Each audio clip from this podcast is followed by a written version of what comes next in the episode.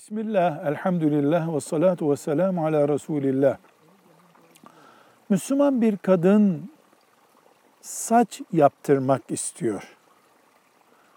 Bununla ilgili dinimizin bir emri veya yasağı var mı diyor.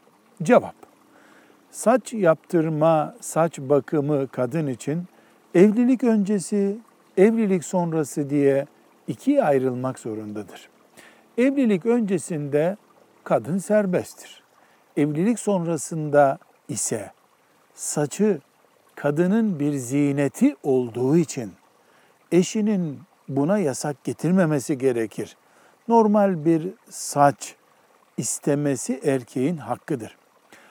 Bu evlilikten sonra ve evlilikten önce Müslüman bir kadın kafirlere benzemek niyetiyle saç yaptırıyorsa, yaptığı saçı kafirlerin teşhir ettiği gibi Müslüman veya gayrimüslim erkeklere teşhir ettirme tehlikesi varsa, eğer gittiği bir erkek kuaförse veya kadın mahremiyetine dikkat edilmeyen bir bayan kuaförse, elbette saç yaptırmakta dinen sakınca var.